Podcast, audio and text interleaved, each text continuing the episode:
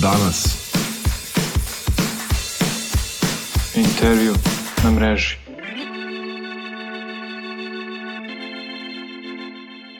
Dobar dan svima koji nas gledaju.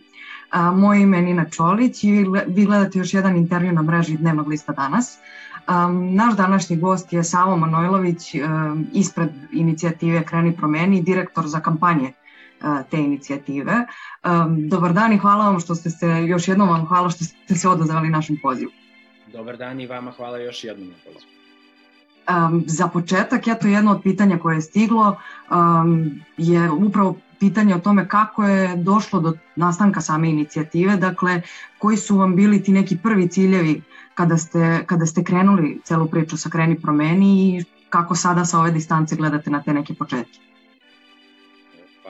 Inicijativa je nastala zapravo, napravili smo je moja drugarica Marina i ja i nastala je kao neki prirodni nastavak kampanje koju smo pre toga nas dvoje vodili u ime kulture. Koristili smo metodologiju Maršala Ganca, kod koga smo oboje bili učesnici, a, učenici, a spe, specijalističkog kursa na Harvardu, a Marina je posle bila jedan od najomiljenijih asistenata e, tamo. Dakle, mi smo tada uspeli da 200 volontera u celoj Srbiji organizujemo i sakupili smo 42.852 potpisa za 7 dana, što je postao i zvaničan predlog zakona za ograničavanje reality programa i tada smo zapravo videli kolika je moć u ljudima. Tu kampanju smo radili e, sa faktički nula, nula dinara budžeta, koristeći pre svega resurse, resurse ljudi i koristeći, da kažemo, jednu metodologiju koju smo pre toga izučavali i onda smo želeli upravo to da postanemo jedna vrsta e, inicijative u kojoj će e, koja će znači pita, koja neće pitati znači šta građani mogu da učine za tu inicijativu, nego koja će pitati mi ćemo pitati njih šta je to što mi možemo da učinimo e, za njih i istovremeno smo dakle pokrenuli više tih kampanja u kojima smo uvek gledali da uključimo običnog čoveka. Evo sada kada, dakle, kada je prošlo neko vreme, kako gledate na to? Kako, kako vam se čini sad iz ove perspektive? Meni, meni, meni, meni, deluje, meni deluje kao da je bila više nego dobra, uh, dobra ideja, ali mislim da je najbitnije ono što misle građani, a građani zapravo misle da trenutno preko te baze mi smo krenuli da koristimo jednu novu metodologiju koja se koristi u svetu, gde imamo te online uh, peticije s kojima zapravo prvo izražavamo nezadovoljstvo uh, građana, pa to više nije situacija da kada vi napravite protest da vam neko dođe i kaže kako tu ipak suštinski nema puno ljudi, kako su tu neki ljudi nosili neke debele debele jakne ili da vam predsednik opštine kaže dok se borite za park kako ste vi grupa nekih zaluđenih ekstremista ili pokušavate da promovišete svoje ime u javnosti, nego vi jednostavno izvadite 10.000 potpisa, ali to je samo prvi korak, drugi korak je da zapravo vi sve te ljude kasnije uključite i suština te platforme je da ljude iz online sveta prebaci u realan aktivizam kroz uh, proteste, javno zagovaranje, kroz akcije na društvenim mrežama, ali i u samoj uh, ali i u samoj realnosti. I ono zapravo što je glavna potvrda jeste da mi trenutno imamo oko 270.000 ljudi s kojima komuniciramo kroz te mailove, a preko pola miliona je E, ljudi uopšte potpisalo bilo koju peticiju i, da, i dalo, da kažemo, poverenje nekoj od kampanja koje smo radili. A, dakle, eto sad pomenuli smo razne kampanje koje ste imali i sad e, bilo je tu mnogo dakle, tih peticija koje su upravo naišle na pozitivne reakcije kod građana. A, koja je za vas neka od najznačajnijih koje, koje ste onako upamtili, a, da, da li po, po samom ishodu ili po, po tematici generalno, koji, ste onako, koji biste izbojili kao neku od, od najbitnijih? Pa iako kao, kao moja mama kad, kad je moj brat pita koga više voli, mene ili brata, kaže deca se vole jednako, tako se možda i kampanje a, vole jednako, ali e, ipak meni su svakako kampanje e, vezane za sačuvajmo naš parkić, zato što je to kampanja bila u kraju u kome sam živeo, gde su moje komšije bile fizički ugrožene, gde im je e, prećeno, dvojica komšija su e, pretučena i zahvaljujući toj peticiji smo mi uspeli da kada se pojavi 30 e, nabildovanih, e, nabildovanih glavonja i krene da preti, onda se dešavala situacija da se tu pojavi moja drugarica Marina sa laptopom, da ja na tom laptopu iskucam mailove i da pozovemo ljude na protest uveče i da onda imamo blokiranu Požešku ulicu sa preko 500 ljudi. I želeo bih da kažem da je svako od tih ljudi zaslužan zbog toga što tamo postoji park. Svako od ljudi u ostalim kampanjama je zaslužan što su postignuti neki uspesi e, i kada se tamo za godinu dana dok se završi papirologija zaista bude izgradio e, park ponovo zasadilo drveće koje je posečeno, e, neka ti ljudi koji su potpisivali peticije, delili po društvenim mrežama i dolazili na proteste, e, prođu tamo i kada budu gledali neke nove klince kako se igraju, neka imaju punu svest da je to urađeno, da to nije odbranio jedan čovek ili grupa ljudi, nego da te klupe, parkovi i deca postoje upravo zbog svakog od njih. A, jedan od razloga zašto mi danas razgovaramo jeste upravo jedna od trenutno vaših najaktuelnijih e, kampanja, to su upravo ta pamučna pluća famozna koja su se pojavljivala i nestajala. Dakle, imali smo čitavu farsu oko, oko toga, slobodno ću tako reći, um, gde ste imali pot, sve dozvole uh, od, na, od, od, od nadležnih organa, ali pluća su misteriozno nestala. A, koliko sam uspela da vidim, sinoć su postavljena nova i na malo ne tako pristupačno, lako pristupačno mestu. A, šta, šta se desilo? Ko je zakazao? Vi ste nekoliko dana, to, to je u medijima praćeno da nekoliko dana ste se obraćali isto tako nadležnim organima da, da dobijete odgovore. Gde su pluća i zašto su sklonjena?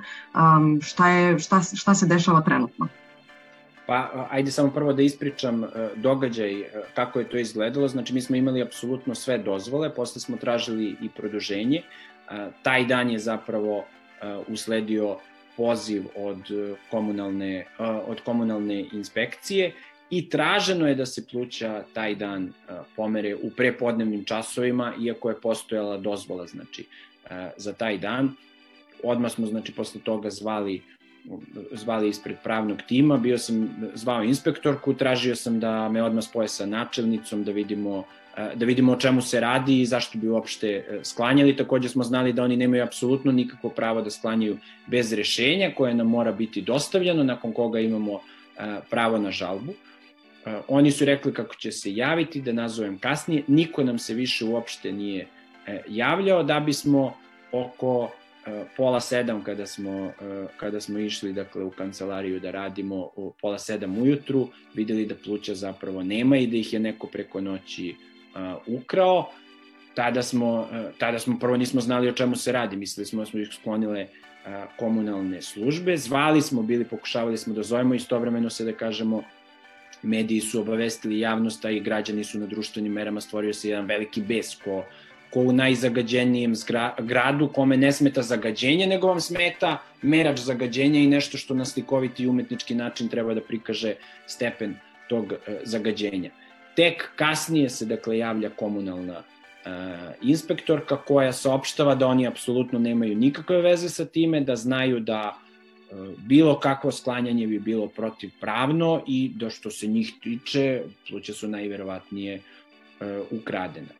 E, mi smo već tada imali, da kažemo, određenu dojavu, ali odmah smo e, reagovali, tražili smo od policije reakciju, tražili smo okolne kamere, to područje je bilo pokriveno e, kamerama i nakon toga smo saznali i dobili zvaničan izveštaj iz policije gde se vidi da su četiri kamiona gradske čistoće i oko 10 10 radnika zapravo sklonili taj billboard. Oni naravno nisu to uradili na sobstvenu inicijativu. Neko im je rekao da oni to urade zloupotrebljavajući javne službe na isti način kada, kako su zloupotrebljavane i kada su dakle upadali u parkić na, u parkić na Banovom brdu.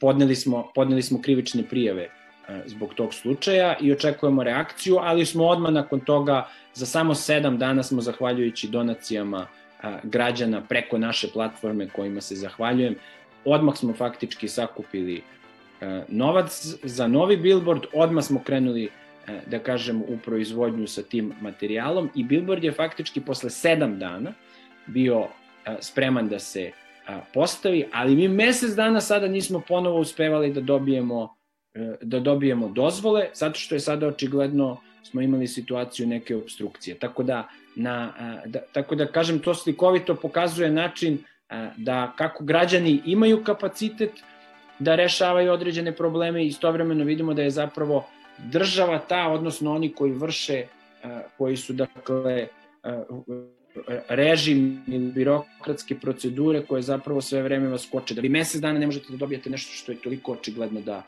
da treba da dobijete i u pitanju je na neki način obstrukcija i kršenje, kršenje pre svega prava na slobodu mišljenja i izražavanja. Ali Billboard je sada tamo, pošto su prethodni ukrali, ovaj je namerno veći i pošto su prethodni ukrali, namerno će stajati dva puta duže nego što je bilo planirano. Ali eto, zanima me konkretno kak, e, koji ste odgovor dobili nakon što ste pokazali, objavili zapravo da vi imate snimak da je to neko da je to neko sklonio. E, da li je to potpuno ostalo bez, bez ikakve reakcije ili, ili šta, šta su vam rekli? Tužilaštvo i dalje ćuti. Mi smo od tužilaštva tražili da, pre svega, znači, jedan pravni institut, uh, tražili, znači, pravni tim koji je pisao krivičnu prijavu, tražio je da se automatski obezbede dokazi. Mi znamo da u našoj zemlji, da ako kažem, e, nadležne institucije vole da vežbaju svoje režiserske talente na snimcima bezbednostnih kamera, pa određeni delovi umeju, umeju da nestanu. Ako ovde nešto nestane, tužilaštvo je direktni saučesnik u svemu tome i kada ste institucija, vi ste obavezni da reagujete i da štitite prava građanja i nereagovanje je, dakle, saučesništvo u svemu tome. Samo bih želeo istovremeno da, da, da pomerim, da kažem priču. E, pitanje e, Billboarda je zapravo bio kreativan način da se ukaže na jedno vrlo konkretno rešenje za zagađenje e, gde je, dakle, pored Kreni promeni udruženja za zaštitu ustavnosti i zakonitosti, Beogradske otvorene škole, Ekostraže i brojnih drugih ekoloških organizacija i udruženja građana, predložena jedna vrlo konkretna mera, a to je da se zapravo novac kojim se subvencionišu hibridni automobili preusmeri za mala kućna ložišta. Ja ne razumem se toliko u ekologiju, ali smo imali tim eksperata iz ekologije koji nam je davao te nalaze, pa smo zajedno smišljali, a, smišljali rešenje. Znači, svi automobili, ako bi se zamenili, zagađenje bi palo samo za 6%. S druge strane, od malih kućnih ložišta zagađenja su znatno, znatno veća i PME čestice koje se ispuštaju su, dakle, znatno E, štetnije i s druge strane hibridni automobili su nešto što košta i preko 30.000 evra, znači to već kupuje neki sloj ljudi koji je ipak imućniji za naše standarde, vi ga donirate sa 5.000 evra. Za tih 5.000 evra možete da zamenite pet kućnih ložišta ekoloških a, u siromašnim domaćinstvima. Nakon te inicijative zaista je i otvorena stavka i za mala kućna ložišta, ali mi imamo situaciju gdje imamo jedno vrlo konkretno rešenje. Ja razumem da smo mi zemlja i razumem da pitanje zagađenja nije nešto što je moguće rešiti odmah magičnim štapićem, uh, razumem da imamo problem sa termoelektranama, što je izuzetno, da kažemo, kompleksno pitanje, ali ovde imamo jedan konkretan predlog koji nema nikakvog razloga da se u potpunosti uh, ne usvoji I, kako kažem, pitanje zagađenja, ja ne razumem svest ljudi koji sklanjaju pluća koje mere zagađenja. Znači, možete, izvinite, možete biti na vlasti, možete, e, ne znam šta raditi, možete biti u određenim koruptivnim poslovima, ali sutradan će i vaša deca disati taj isti,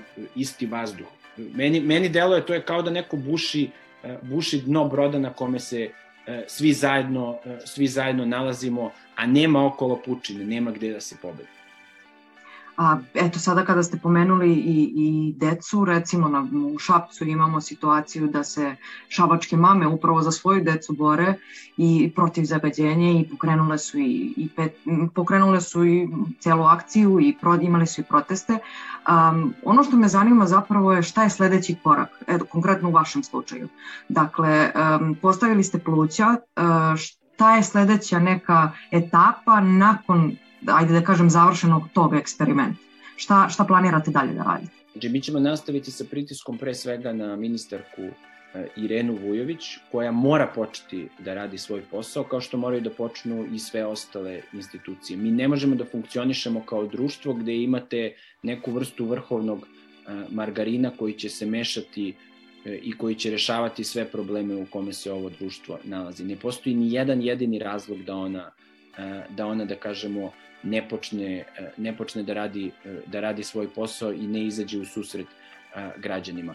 Nakon ovog ćemo ta ista pluća dakle, koja će, koja će dakle, vidjet ćemo da li će pocrneti, ali dostavit ćemo ih nadležnim institucijama i poslanicima, a, na, a napravit ćemo, da kažemo, i druge vrste pritiska. Ono što je sada evidentno, i to bih takođe želeo da ukažem, e, jeste da ova, znači pitanje rešenja za zagađenje gde smo tražili sa kućnim ložištima je donekle već dalo rezultate samom uvođenjem te stavke. Mi ćemo pratiti na koji će se način, e, način to i implementirati i koliki će broj građana zapravo koristiti e, tu mogućnost, ali ono što želim da istaknem jeste da je pitanje zagađenja nažalost aktuelno otprilike samo mi, mi se toga setimo u nekim jesenjim i, i zimskim mesecima. Čak i na proleće kada postoji, kada je visoko zagađenje, prosto zbog lepog vremena ljudi ne obraćaju, e, ne obraćaju pažnju. Mi smo već sada napravili jedan, e, jedan da kažemo, značajan e,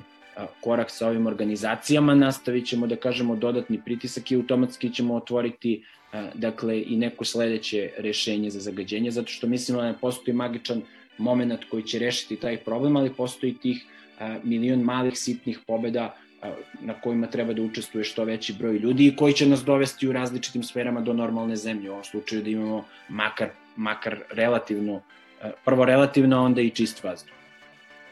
A, još jedna od e, kampanja koje ste pokrenuli u, u proteklom periodu jeste i kampanja Stop e, rudniku, um, rudniku litijuma Rio Tinto. Um, šta, da li bi mogli nekako da uputite one koji nisu svesni uh, zašto zašto je toliki značaj uh, borbe protiv jednog takvog, uh, dakle, jednog takvog rudnika, šta za, zašto zapravo građani treba da, da odreaguju na, na takva dešavanja? Hvala na pitanju. Pa da, pokrenuto je sa jednim velikim brojem organizacija, znači i meštanima Ne damo, ne damo Jadar, i dakle antikorupcijskim timom Pakta, odbranimo reke Stare planine i sada da ne, da ne nabrajam da ne nabrajam dalje, ali dakle jedna široka koalicija. Oko svih tih pitanja kad postoje ti veliki infrastrukturalni projekti, zaista je teško teško analizirati ono što se dešava u javnosti. Ja zaista sam obazriv, pre svega zbog 270.000 ljudi koje, koji nam, dakle, veruje u dosadašnjim akcijama, zaista, zaista sam obazriv oko toga u koju ćemo, i, i ceo tim, dakle, u koju ćemo neku akciju ući. I tu je teško ako vi niste ekspert. Ja recimo nisam ekspert i ne razumem se u to, ali ono zapravo što, gde sam video i sada sam e, siguran da smo u pravu, jeste da smo stupili u kontakt sa e, doktorkom Draganom Đorđević, koja je pre svega jedna e, izuzetno hrabra, hrabra žena, ali i stručna, koja je dala jasne nalaze da će, e, da će dakle, pokušaj e, eksploatacije litijuma u dolini Jadra biti to potpuna ekološka katastrofa za taj deo Srbije, da će on uticati i na štetne čestice koje će se ispuštati u vazduh, koje mogu dakle, u nekom radijusu i do 50 km e, nagrizati kožu i sluzokožu ljudi i životinja, zatim da će to, ja sad pokušavam na, na laički način da, da objasnim, ali znači da će i to korišćenje vode iz Drine i vraćanje te iste vode nakon obrade minerala, dakle zagaditi e, biljni i životinski svet, e, to će ići znači Drina, Sava i svi onda gradovi koji se u tom priobalju snabdevaju snabdevaju vodom, a imamo te znači one bunare koji služe, znači koji dolaze, svi gradovi će se zagaditi i da će to suštinski uticati čak i na čak i na ostale reke. Biće biće zagađeno i tlo i u pitanju je jedna velika ekološka katastrofa. Druga bitna stavka je da dolazi kompanija koja ima jednu e, stravičnu kolonizatorsku istoriju. To je kompanija koja je u Australiji relativno skoro, dakle, uništila stare aboriđinske pećine, iako se obavezala, pazite, australijskoj vladi, da će poštovati i da sigurno neće srušiti. Ona je to završila i rekla u redu, mi, mi smo napravili grešku, mi ćemo platiti e, platiti štetu na to. Pazite, ako imate kompaniju koja ima tu snagu, u pitanju je jedna multinacionalna kompanija e, čija se vrednost e, meri u desetinama milijardi, znači ona je jača od mnogih država. Ako australijska vlada nije bila u stanju da obezbedi poštovanje zakona, da li će baš srpska vlada biti u stanju, nisam siguran. To je kompanija koja je nakon tužbe u Kanadi bila se obavezala za plaćanje odštete od nekoliko desetina miliona dolara pod pretnjom, vrho, pod pretnjom znači da će biti osuđena od strane sudstva Kanade. Ja nisam siguran da naše pravosuđe u kojima deca bogataša koji nekažnjeno gaže e, ljudi po ulicama e, ne odgovaraju, nisam siguran da će to isto pravosuđe moći da moći da kazni neku, neku takvu kompaniju i to je kompanija koja je izazvala svojevremeno građanski rat.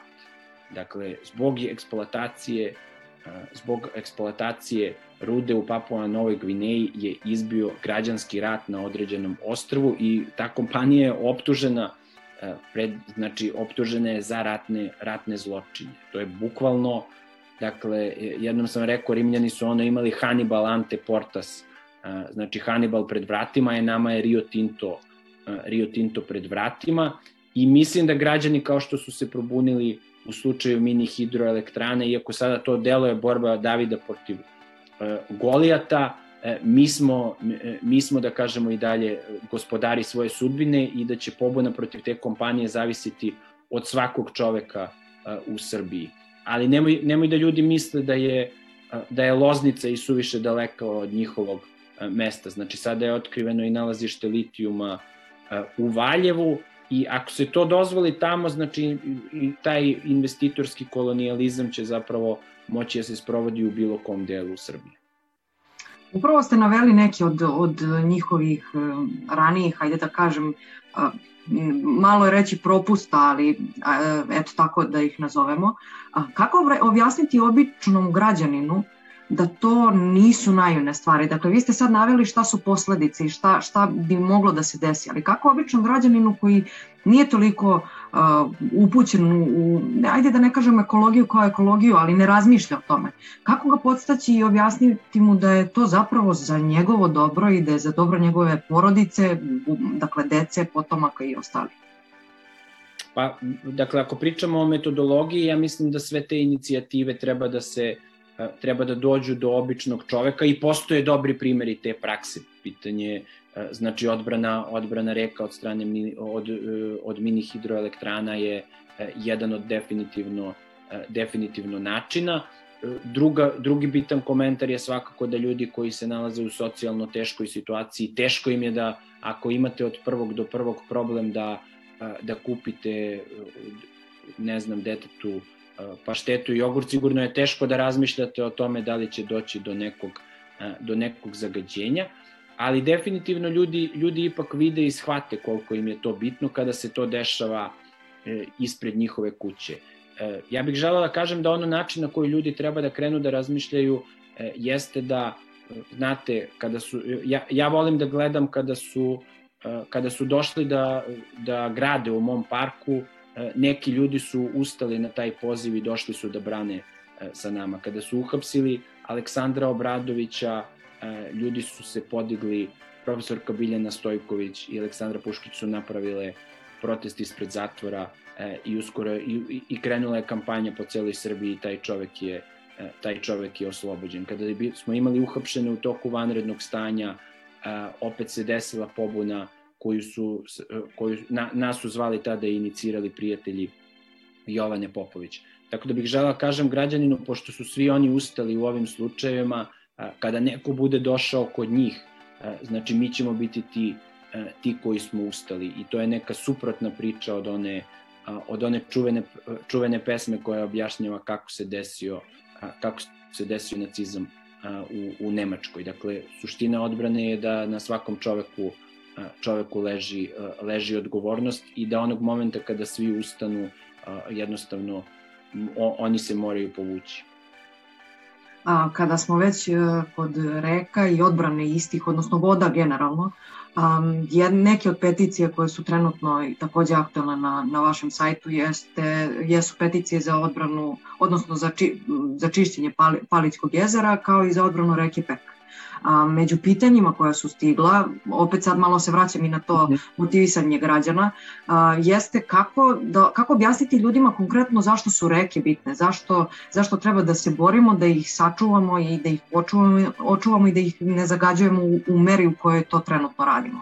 Kako vi vidite, kako vi vidite to pitanje?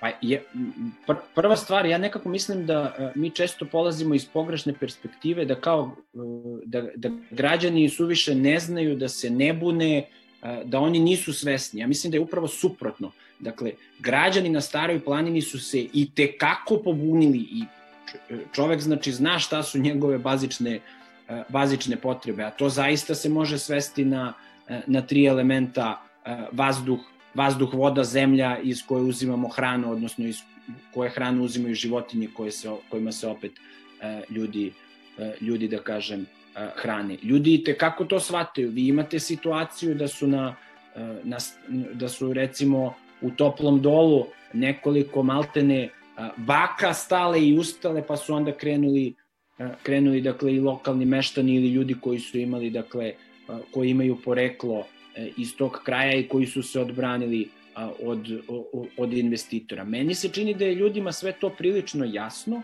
Ono što je samo suštinsko pitanje i to jeste odgovornost ljudi koji e, preuzimaju organizacionu ulogu e, u svemu tome, odnosno nas kada uzimamo u nekim kampanjama, drugih kada uzimaju u drugim, jeste na koji način će se ti ljudi, ti ljudi prvo strateški organizovati, motivisati da je promena e, da je promena moguća i zapravo veliki broj e, veliki broj tih ljudi i inicijativa pokazuje dakle da su te neke uslovno rečeno male pobede e, i digla veru običnog čoveka da on može nešto da promeni. Um, sada bih se malo osvrnula na neke uh, vaše akcije koje nisu toliko um, koje se ne bave toliko ekološkim temama. Um, ako se ne varam, imali ste jednu akciju oko nove godine uh, za da se sredstva od, uh, koja su namenjena za dočeke nove, novih godina na, na trgovima u gradovima širom Srbije, preusmere na uh, lečenje dece kojima je to, dakle lečenje koje, za specijalna lečenja, odnosno ovaj, ovo što svaki dan prisustujemo i gledamo da, da sve više dece nema novca za, za lečenje. Neki gradovi su se odazvali, ako se ne varam, Užice, Kragujevac, Veliko gradište, bilo ih je još. Međutim, šta se desilo sa Beogradom? Nekako je ostalo da kao da, da odgovor nikada nije stigao. Beograd se nije, e, Beograd se nije e, odazvao i Beograd je dakle e, Beograd je jedan od gradova koji je rekao da su oni zapravo prethodno prethodno ta sredstva već negde preusmerili. Ono što mi svakako znamo sprovodili smo, dakle, to je pravni tim Uzuza i radio detaljnu analizu, mi vrlo dobro znamo da u budžetima tih lokalnih samouprava se vrlo često prebace, da kažem, sredstva se preusmere tako da vi izdvajate, ne ide stavka kao za proslavu nove godine, nego vi dajete za promociju kulture, zabavnog sadržaja ili turizma, a onda se to radi onda se to da kažemo radi za novu godinu. Mi ovde nismo dobili, podneli smo svuda informacije informacije od javnog značaja, tu je svakako potrebno je malo se dublje, dublje da kažem spustiti, spustiti i izanalizirati papire i zaista nadležni tu uvek mogu da vam zamažu oči, ali ajde ipak bih negde da vratim na pozitivno, mislim da je činjenica te kampanje koju je, dakle, koju je vodila naša Kristina, dakle, bila zapravo to da je zaista, mi smo tražili posle toga od svih gradova da nam dostave dokaze, nismo, nismo, nismo želeli, dakle, samo mi smo pokrenuli peticiju. Svaka od tih peticija je bila predata nadležnim, znači, institucijama e, i gradovima i tražili smo jasan dokaz da je izvršena uplata. I sama činjenica, dakle, da smo možda pomogli da se spasi e, nečiji život je ono što bih želeo kažem zasluga zapravo preko 100.000 ljudi koji su potpisivali i delili tu peticiju E, na društvenim mrežama i pokazali da zapravo da smo mi zemlje solidarnosti. Na vašem sajtu postoje, postoji opcija da i sami građani dakle, pošalju, odnosno postave peticiju. Kako to funkcioniše? Kako može neko ko smatra da ima neki lokalni problem u svom gradu ili, e, ili bilo kakvu priču kojom bi želeo da, da se bavi, kako to može da učini? Tako je i peticija upravo vezana za reku Pek, za Paličko jezero su upravo napravili napravili dakle građani građani koje mnogi od tih ljudi dakle mi mi prvo i ne upoznamo a krenemo krenemo da krenemo da sarađujemo. Isto recimo akcija um, akcije u Zrenjaninu protiv protiv zagađenja su zapravo bili nešto što nas je spojilo sa ljudima. I mi pored akcije koje mi strateški isplaniramo jesmo platforma koja je otvorena za određene peticije sa građanima, naravno oni moraju da ispunjavaju određene kriterijume. Funkcioniše tako što oni mogu da dođu, imaju formular na, kome, na sajtu gde popunjavaju dakle ostavljaju parametre za peticiju, a nakon toga ih kontaktira neko iz stručnog tima koji im pomogne pomogne da kažemo da oni otvore da oni otvore peticiju. Suština je uvek da se prvo ispita neka vrsta javnog mnjenja kroz interesovanje kroz interesovanje za određenu temu, ali onda vi kroz te kontakte možete te ljude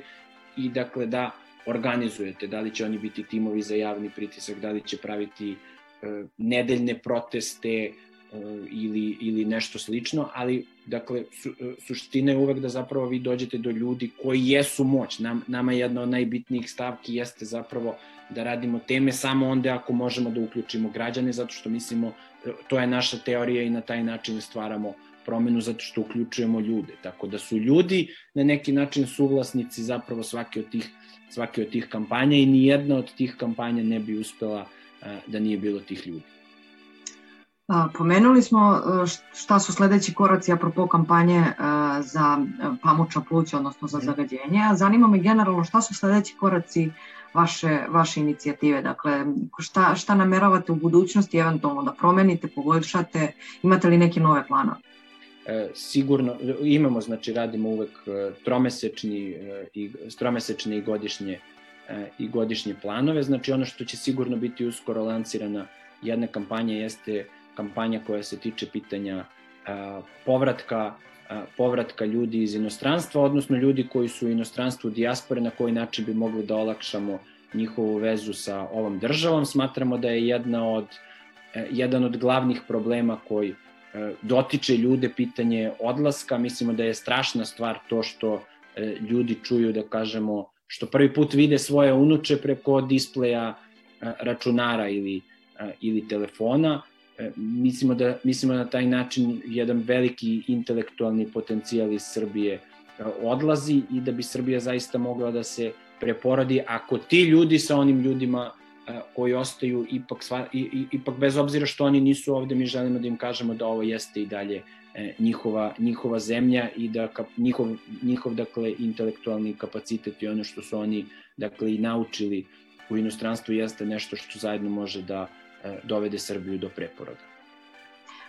I za kraj, evo, postavila bih vam jedno pitanje koje je takođe stiglo od e, naših čitalaca, lično vama. Mhm. Kada biste mogli jednu stvar u Srbiji da promenite, e, šta bi to bilo? Pa ja bih, ja mislim da bi definitivno to bilo nezavisno pravosuđe, zato što, zato što mislim da pitanje nezavisnog pravosuđa utiče i na sve ostale segmente ovog društva. Mislim, kada bismo imali nezavisno pravosuđe, sutradan roditelji ne bi morali da brinu da li će čerka koja se zapošljava u javnoj upravi ili nekom preduzeću biti zlostavljana od strane nekog manijaka poput Jutke, gde ćete mu onda organizovati podršku iz javnih preduzeća. Mislim da nećete dolaziti u situaciju da roditelji strepe da li će im sin otići u inostranstvo zato što nije hteo da se učlani u neku političku stranku da bi dobio posao i mislim da ljudi neće brinuti e, da li će neko dete bogataša e, da pregazi nekog nečijeg e, oca ili e, čerku i da prođe zbog toga nekažnjeno. Gospodine Manojloviću, hvala vam što ste se odazvali našem pozivu i nadam se da sledeći put kada budemo razgovarali da će biti nekim, nadam se, lepšim povodom i, i sa, sa nekim lepšim rezultatima ili kako god. Um, hvala svima koji su nas gledali. Ukoliko uh, podr želite da podržite naš rad, to možete učiniti putem kluba čitalaca Danasa. Uh, ovo je bio još jedan intervju na mreži. Prijetno. Danas. Intervju na mreži.